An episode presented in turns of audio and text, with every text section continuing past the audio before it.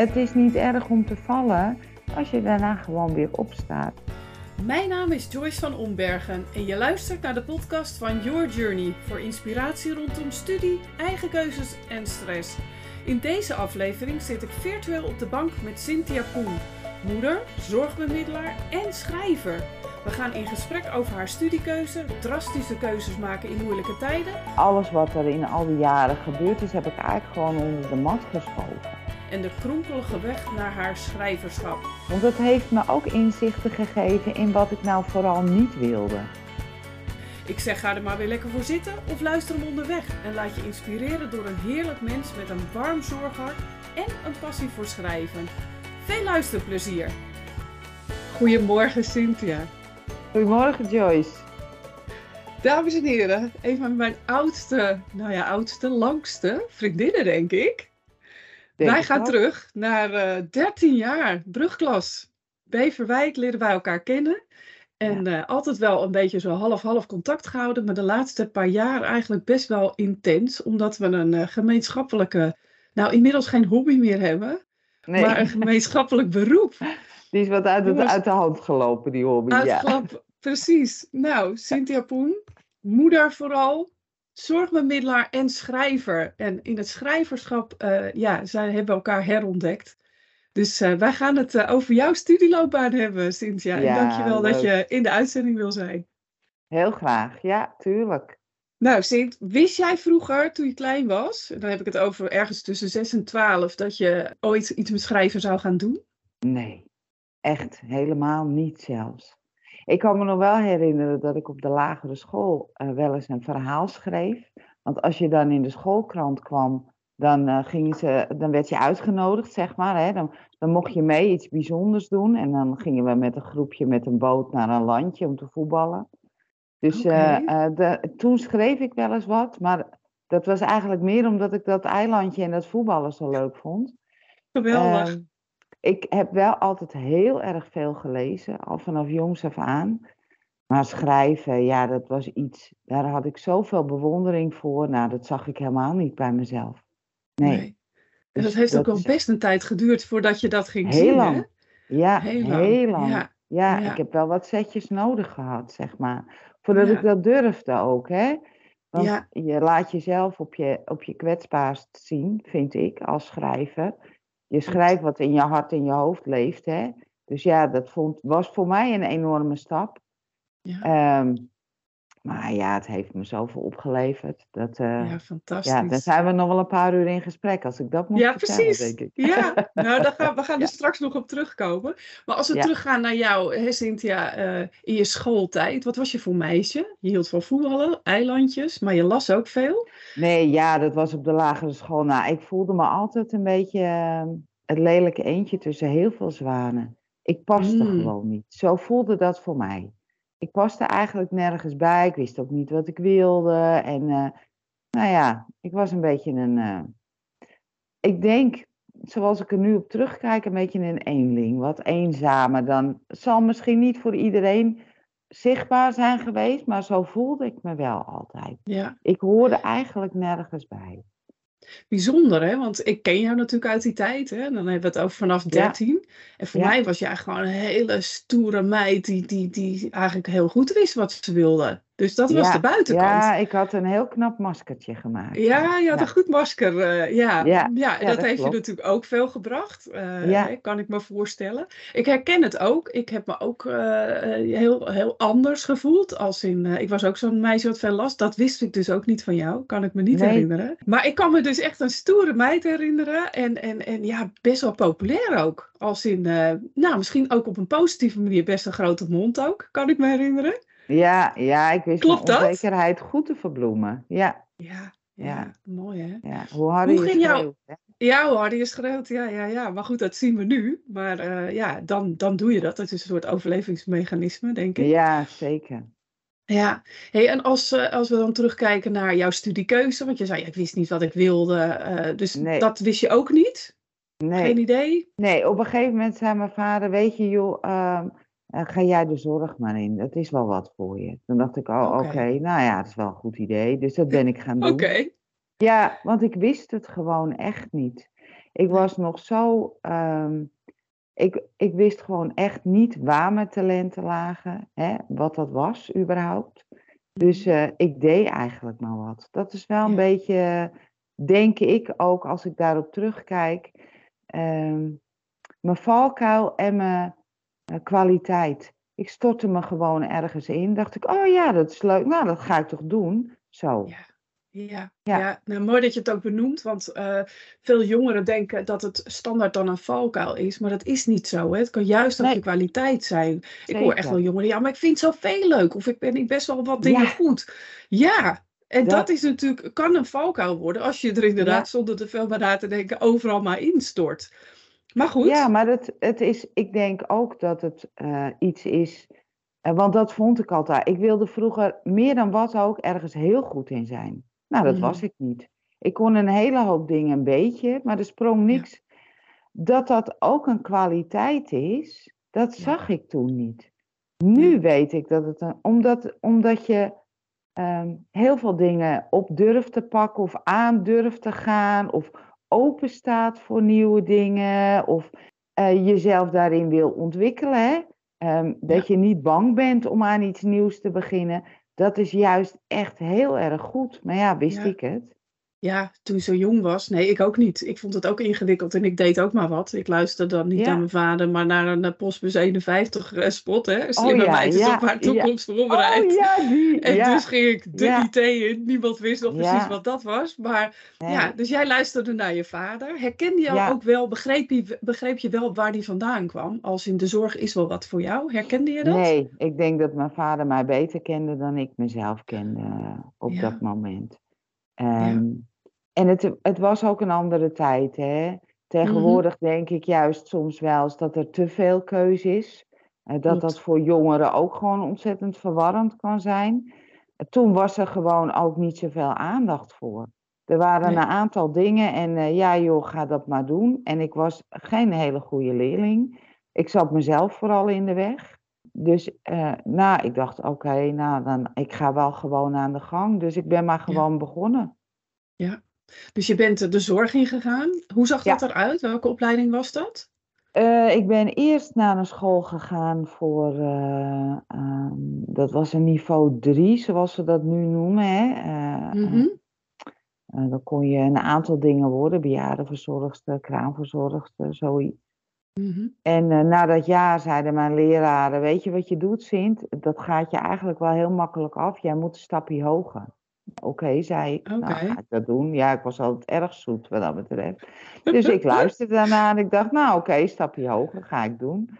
Dus ehm, toen ben ik de opleiding tot ziekenverzorgende gaan doen. Dan moest je 17 jaar en drie maanden voor zijn, qua leeftijd. Dat was ik toen Mhm. nog net niet. Dus ik heb een paar maanden voor een uitzendbureau gewerkt, weet ik nog. Eh, tot ik in december mocht beginnen. Toen was ik oud genoeg. Dus, eh, en dat was dan zeg maar ze- eh, 40 uur onregelmatige diensten. En eh, daarnaast deed je je school. En dat, dat duurde 2,5 jaar. En dan kreeg je je diploma, of je speld eigenlijk. Toen bestond Ja, die je opleiding. speldje. Ja. Die heb ik nog hoor, ja, maar ontzettend jong en zoveel uren in Ja, dat was heel... waar je, ja, ja. In een vak Ja, waar wel veel gebeurt. Ja, zeven nachten op. Eh, en dan eh, daarna kwam je er. Dus dat was echt wel een hele reeks. En Ja. zeker als tweedejaarsleerling mocht je eigenlijk alles al. En maar was je natuurlijk in wezen een goedkope kracht. Ja. Dus Ja. eh, ja, gebroken diensten, hele reekse nachtdiensten. Het was echt wel pittig, want je deed je school daarnaast. Ja. Ehm, Ja. En onregelmatig werken, ja, dat is gewoon echt wel een slijtageslag voor je lijf. Maar ja, goed, je bent jong, dus eh, je Ja. gaat gewoon. Maar eh, ja, ja. ja, en je ziet een hoop. Ja, dat was Nou, ook precies. wel... eh, en ja, Daar inderdaad. was weinig In- aandacht voor in die tijd. ja. ja. want wat, wat is jouw eerste herinnering in het vak waarvan je zegt, daar zou nu veel meer aandacht voor zijn? En dat was toen, nou ja, gewoon, of er werd niet over gepraat. Kan je dat Nou, terughalen? dat was mijn eerste stage, denk ik. Toen was ik eh, eh, was nog jonger. Dat was dan nog tijdens die school. Ehm, toen eh, liepen we dan een, een stage om eraan te proeven. Ik wilde heel graag de kraamzorg in. Nou, werd ik voor uitgeloot. Ik ging een stage lopen in het bejaardenhuis in Westerheem. Oké. Ehm, En dat is nu nog mijn locatie als zorgmiddelaar, dus dat is wel grappig. Maar goed, ehm, ik mocht mee met Annie, dat vergeet ik ook nooit meer. En er was een oproep, want er was iemand overleden en daar moest Annie heen. En die zei tegen mij, weet je wat je doet? Ga jij die mevrouw maar uit bed halen. En uh, 15, 16 was ik, hè? nul ervaring. Oké, dacht ik. Donkere kamer, hè? Uh, gordijnen dicht. Dus uh, nou, ik stelde me netjes voor en sla de dekens maar terug, zei die mevrouw. En dat deed ik. En die mevrouw bleek geen onderbenen te hebben. Haar protheses stonden achter de gordijnen. Maar ja, ik was natuurlijk helemaal totaal onvoorbereid. Ja. Dus dat, dat is mijn eerste kennismaking met. En dat was natuurlijk een schok.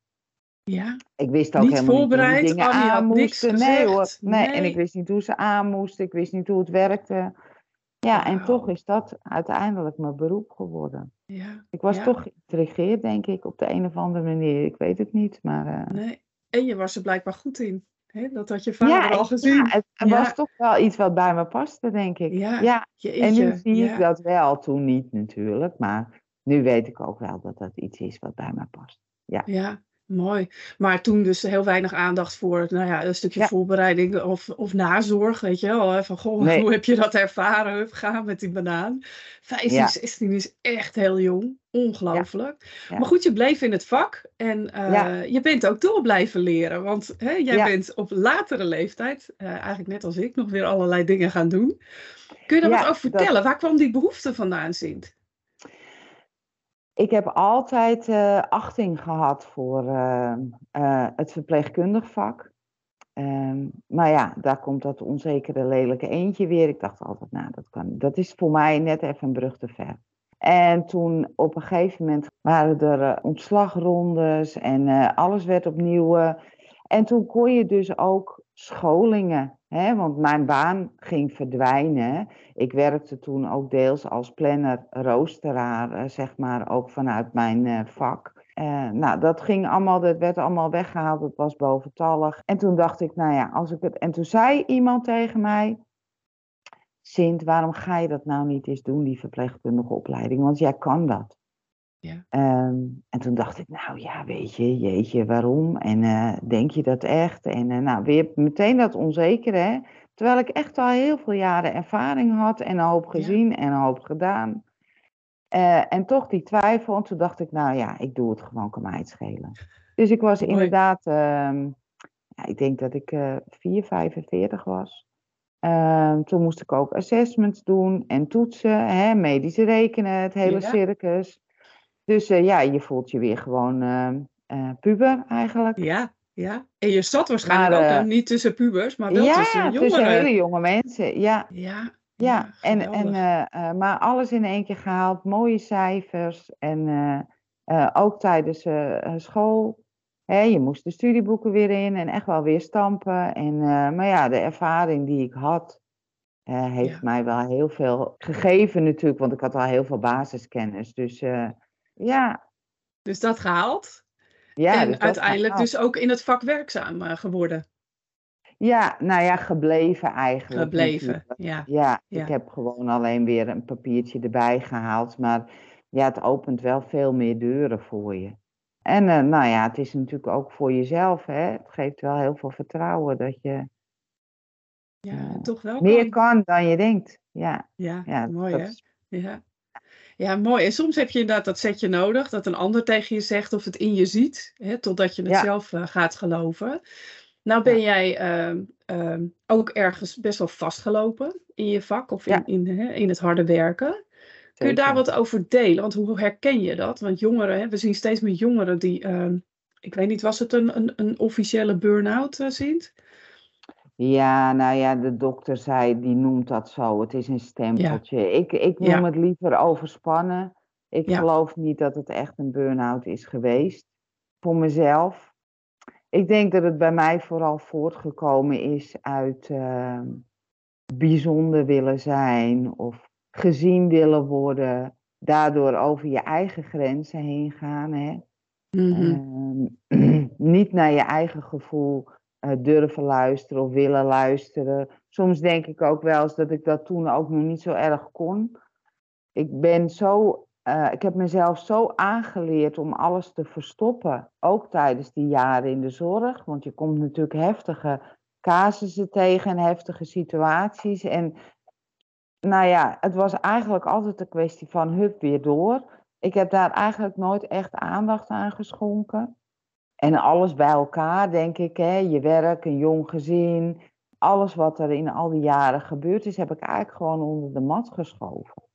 Ja, en op een gegeven maar op een gegeven moment gaat dat niet zelf meer. weer tegen. Nee. Deze podcast wordt mede mogelijk gemaakt door jongleren.es. De partner voor stages, onderwijsprojecten en coaching in Zuid-Spanje. Ik weet nog dat ik op mijn werk was en er gebeurde iets heel onnozels. Echt niet belangrijk. Ja, ik was zo in paniek. Eh, en ik kon eigenlijk niks anders dan janken. Dat was Mm, het, alsof de sluizen opengezet waren. Ja. Ehm, en het stopte ook niet. Dus ik, ik, ja, achteraf denk ik wel eens, nou, dat is gewoon die stroom die eenmaal, hè, die Ja. deur ging open. En eh, Ja. ja, ik kreeg er met geen mogelijkheid meer dicht. Weer dicht. Nee. Ehm, dus dat. Ik moet wel zeggen, ik heb toen best wel rigoureuze beslissingen genomen. Ik heb me toen wel ziek gemeld. En ik heb, eh, ben wel een aantal weken thuis geweest. ja. En vooral heel veel buiten geweest, hè, want de natuur, dat, dat is ja, voor mij altijd... Ja, dan ga ik heen als ik verdrietig ben, maar ook als ik blij Ja. ben. En eh dat ik op wil laden, of even na aan wil denken. Of, eh, dus daar zoek ik altijd wel de rust op. En, ehm, en toen ben ik, heb ik eigenlijk heel rigoureus ontslag genomen. Oh, wauw. Ja, ik Ja. dacht, eh, nou, dit is, eh, ik moet wat anders gaan doen. En thuis zitten, ja, achteraf bezien. Hè? Maar goed, dat is iets wat bij mij past. Ik ben gewoon iets totaal anders gaan doen een jaar. Eh, nou, dat was natuurlijk niet de baan die ik zocht. Maar goed, ik dacht bij mezelf, ik hou het een jaar vol. En na dat jaar zie ik wel. Ik moest Ja. het gewoon een jaar doen van mezelf. En dan tijdens dat jaar. ehm, en dat is ook heel goed geweest achteraf. Want dat heeft me ook inzichten gegeven in wat ik nou vooral niet wilde. Mm, En waar dat is een ligt hele mijn les. talent? Ja, waar Ja. ligt mijn talent wel? Wat zou ik nou graag willen? Eh, wat past bij me? Nou ja, ik heb daar een jaar over nagedacht. Daarna ben ik dus daar weer weggegaan. Ja. En eh, eh, ik was toen ook op het moment dat ik ontslag nam, was ik ook met, met HBO-verpleegkunde begonnen. Hè? Dus eh, mezelf nog weer een nieuwe studie in de schoenen geschoven. En eh, eh, op het moment dat ik omviel, realiseerde ik me dat wat ik bereikt had, dat was goed zo. Hè? Ik hoefde niet meer mezelf te bewijzen. Ik hoefde niet nog meer papiertjes te halen. Ik was gewoon hartstikke blij met de rol die ik, die ik had en die ik kon spelen. En ik wist waar ik goed in was. Ja, dus het was Ja. goed zo. Ja, Eh, mooi, want hè, dat blijft bewijzen. Dat, dat, dat is toch iets, hè, ja, waar komt dat vandaan? Uit jezelf? Is dat toch hè, de maatschappij? Bij jongeren zien we veel druk vanuit eh, de maatschappij. Je moet, hè, als je de brains hebt, dan ga je studeren. Terwijl er Nou, best wel jongeren zijn die zeggen, nou, eh, ik ga liever, weet ik wat, eh, mbo-verpleegkunde doen, ik noem maar wat. Ja, Of ik, wil, ik wil iets heel anders. Ehm, hè, iets kunnen wil nog niet zeggen dat je dat per se ook moet gaan doen. Nee, Ja. precies. Dus mooi. Nee. Dus je hebt een jaar En- de en- tijd genomen. Fantastisch. En Ja. inderdaad ontdekken wat je niet wil. Die wil ik nog even terughalen. Want dat is ook belangrijk. Soms moet je gewoon even een tijdje meemaken. Ach, nee, dit is het niet. Maar dat brengt me wel tot wat ik dan wel wil. Ja, Ja, ja doe vooral wat je, eh, wat je gelukkig maakt. En toen dacht ik, hè, nog meer papiertjes erbij, want ik had natuurlijk wel een doel voor ogen. Ehm, uiteindelijk heb ik die baan ook gekregen zonder dat papiertje. ja, Heb ik eh, eh, allerlei andere dingen geleerd en mezelf ontwikkeld op allerlei andere gebieden, waar ik heel gelukkig van word. ja. mooi. Ja, dus Dus, dat was ook ja. wel de les, hè? Uiteindelijk, weet je, dat papiertje is, het is ook maar een papiertje. Die Nou, dat. levenservaring, die werkervaring is, Ja. is zoveel waard. Ja, Ja. en jezelf blijven ontwikkelen is heel veel waard. Maar dat, dat, Ja. dat hoeft niet langs die gebaande paden. Ik ben heel erg dol, ook in mijn werk, in buiten de lijntjes kleuren. Daarmee krijg ik eh, vaak dingen voor elkaar die eh, misschien niet helemaal in het plaatje passen. Eh, maar ja, zo werkt dat met mensen nou eenmaal. Hè? Wij passen niet in hokjes. En ik zeg ook wel eens, het liefst pas ik in heel veel hokjes. Ja, Of in helemaal geen één. Ik wil helemaal geen stempeltje. Ik wil wel tien stempeltjes. Of helemaal Ja, geen stempeltjes. Maar Ja, net hoe je het mooi. bekijkt. Maar Ja, ja, ik denk dat we allemaal zo verschillend en divers zijn. Dat we van heel veel dingen een beetje zijn. Of van sommige dingen heel veel. Maar eh, nooit allemaal precies eh, eh, volgens dat stramien. En het is denk ik de grootste winst voor een mens, voor een jongere, voor een oudere, voor wie dan ook. Ehm, dat je durft te zijn wie je bent en ook gewoon Ja. lekker eh, eh, gaat Ja. doen waar je gelukkig van wordt. En als dat, eh, dat hebben wij tegen onze meiden ook altijd gezegd. Als je putjes schepper wil worden en je wordt daar heel gelukkig van, lekker doe doen. het. Lekker Weet doen. je, want het leven is echt te kort om genoegen te nemen met of dingen na te jagen waar je s'avonds op de bank zit en denkt, "Pff, nou, Ja, is dit het nou? Ja, Ja. En, en voor jezelf leven, niet voor een ander of voor de Nou ja. verwachtingen van anderen. ja, Ja, en dat is ja, echt een lastige kluif hoor, want natuurlijk wil je graag ook de mensen om je heen, hè. Je wil dat ze trots op je zijn en eh, je wil dat, eh, dat eh, je ouders misschien of je partner of vriendinnen of wie je dan ook tegenkomt. Ehm, ja, weet je, de- het is ook iets wat bij je als mens hoort. Ehm, Dat mensen zeggen, oh ja, kijk, of oh wat goed. Of eh, ja, natuurlijk wil je graag een schouderklopje of vooral gezien worden, hè? Ja, die vooral gezien worden. Ja, Ja, helemaal waar. ja. Hey, en eh, toen kwam er een moment dat jij eh, begon te schrijven. En ik kan me dat nog vers herinneren, ja. dat dat moment daar was. En ook dat je daar nog best ja, onzeker over was. Maar toen Ja. daar de sluizen eenmaal open gingen, ja. gingen ze die ook niet meer dicht. Ja, Die sluizen moesten ook open. ja. Wat heeft in één zin het schrijven jou gebracht, Sint? Rust, denk ik. Ja, En inzichten. Rust en inzicht is ook nog steeds één zin, hè? Ja, zeker. Ja. Ja, en ik herken ze ook allebei. Want schrijven is zo'n mooie manier om te reflecteren op dingen. En even Ja. voor de luisteraars. Jij hebt eh, een aantal boeken geschreven. De eerste is Zorgliefde. En dat zijn allemaal korte verhalen over wat jij hebt meegemaakt in de zorg. Nou, het is lastig om het boek te lezen zonder niet ergens in tranen te schieten. Want het is zo ontroerend en zo dicht op de huid geschreven. Echt, iedereen moet dat boek gaan lezen. Dat is gewoon verplicht. Want je krijgt Ja, gewoon zo'n ja. mooi inkijkje in ja, hoe dat werkt in, in de zorg. En als je daar vanuit liefde in aan het werk bent, nou, dat heb jij eh, met je hele zielenzaligheid eh, gedaan, doe je nog steeds. ja. Maar daarna ben je ook een thriller gaan schrijven, Verborgen Verleden. En ben je inmiddels met een eh, boek bezig, Gendrager. En een kinderboekje, want je bent inmiddels oma geworden. Ja, ook nog. Dus Ja. super divers ook weer. Weer niet een hokje. Je bent niet een, Nee, een Weer van zorgschra- alles wat. Exact. Het is weer van alles Ja. wat. Maar dat is juist zo leuk. Ja. En is dan elk genre, brengt dat jou iets anders? Ja, zeker. Het is de verhalen over mijn werk waren toen in eerste instantie vooral begonnen om dingen van me af te schrijven.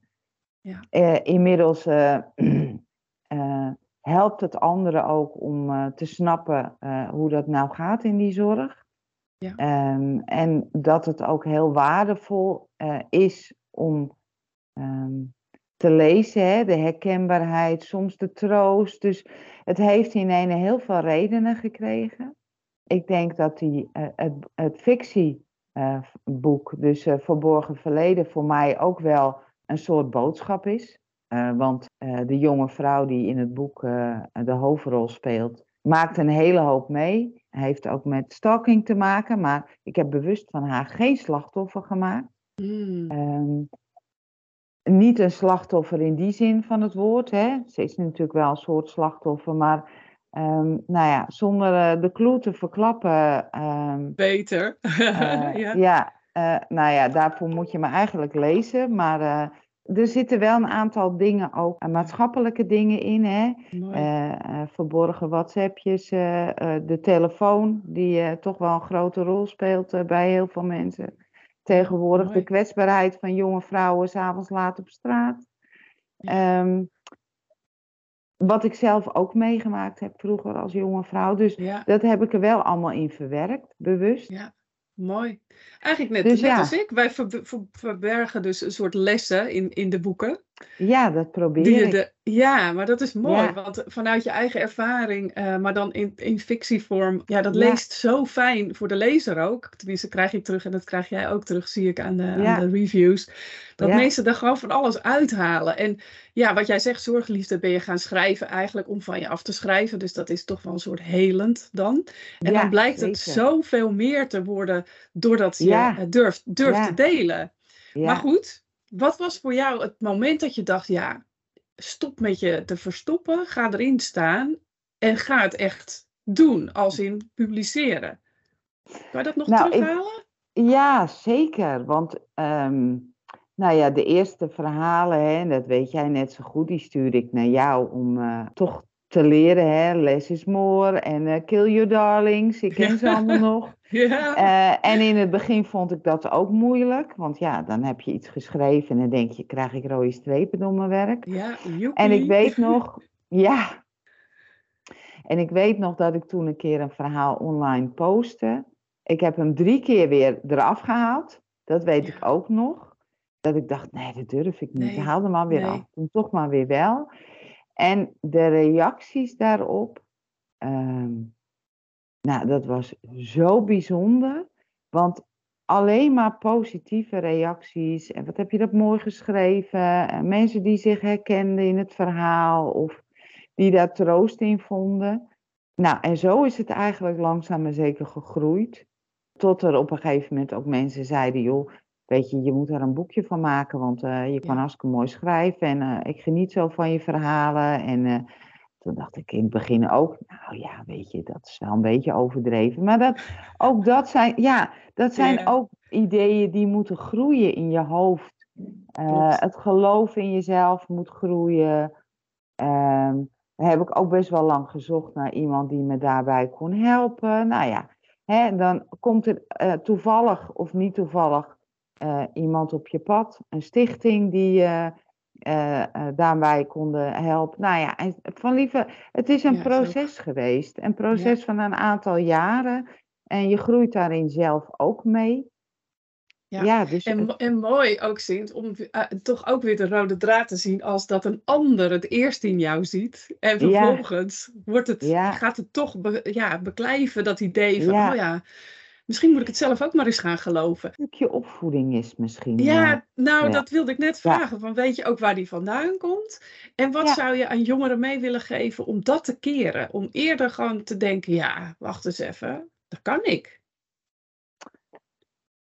Ja, dat is een lastige, want dat geldt, dat is voor iedereen anders natuurlijk. Klopt. Mhm. Ehm, ik hoop ook dat de jongeren van tegenwoordig eh, wat meer eh, zelfvertrouwen meekrijgen van huis uit.